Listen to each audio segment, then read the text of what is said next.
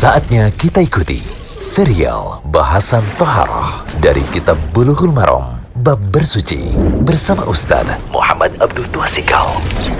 Alhamdulillah, salatu wassalamu ala rasulillah wa ala alihi wa sahbihi wasallam. Sekarang kita masuk audio ke 86.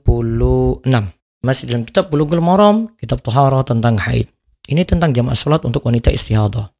Hadisnya hadis ke-140. وأن حمنا بنت جحش.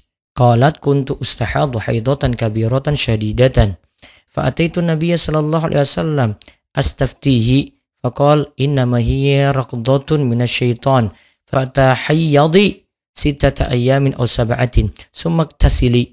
فإذا استنقأت فصلي أربعة وعشرين أو ثلاثة وعشرين وصومي وصلي فإن ذلك يجزئك وكذلك فافعلي كما تحيد النساء فإن قويت فإن قويت على أن تؤخري الظهر وتعجل العصر ثم تغتسلي إن تطهرين وتصلين الظهر والعصر جميعا ثم تؤخرين المغرب وتعجلين العشاء Summa taktasilina wa tajma'ina baina salataini faf'ali wa taktasilina ma'a subhi wa tusallina.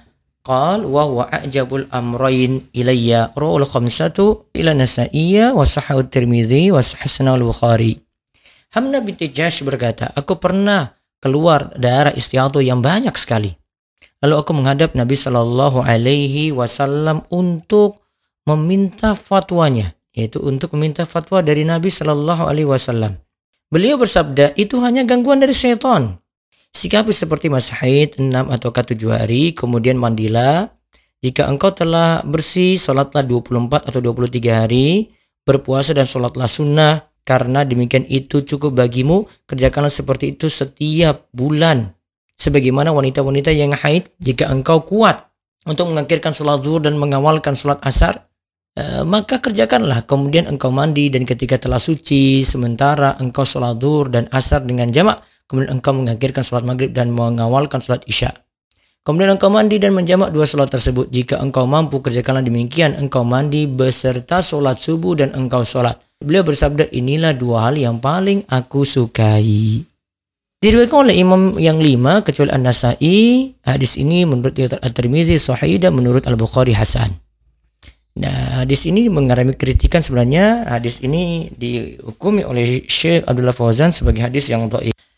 Nah, hadis ini sebenarnya membicarakan tentang ya jadi dalil bahwa wanita yang mengalami darah istihadah yang belum memiliki kebiasaan ya, yang belum memiliki kebiasaan haid dan tidak bisa membedakan mana darah haid atau istihadah maka ia menjadikan kebiasaan umumnya wanita sebagai patokan.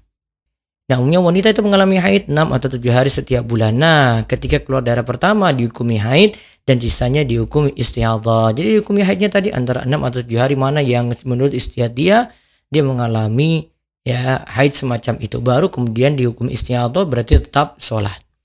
Nah, ini diambil dari perkataan Nabi SAW tadi, kama tahidun nisa sebagaimana wanita-wanita itu mengalami haid ya. ya tadi Berarti kalau tidak punya kebiasaan haid ya dan juga tidak bisa membedakan mana darah haid atau istihadah, maka jadikan patokan 6 atau 7 hari sebagaimana umumnya wanita sebagai lamanya haid. Setelah itu eh, darah yang lainnya itu adalah darah istihadah.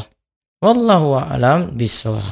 Demikian serial bahasan toharah dari kitab Bulughul Maram bab bersuci bersama Ustaz Muhammad Abdul Tuasikal.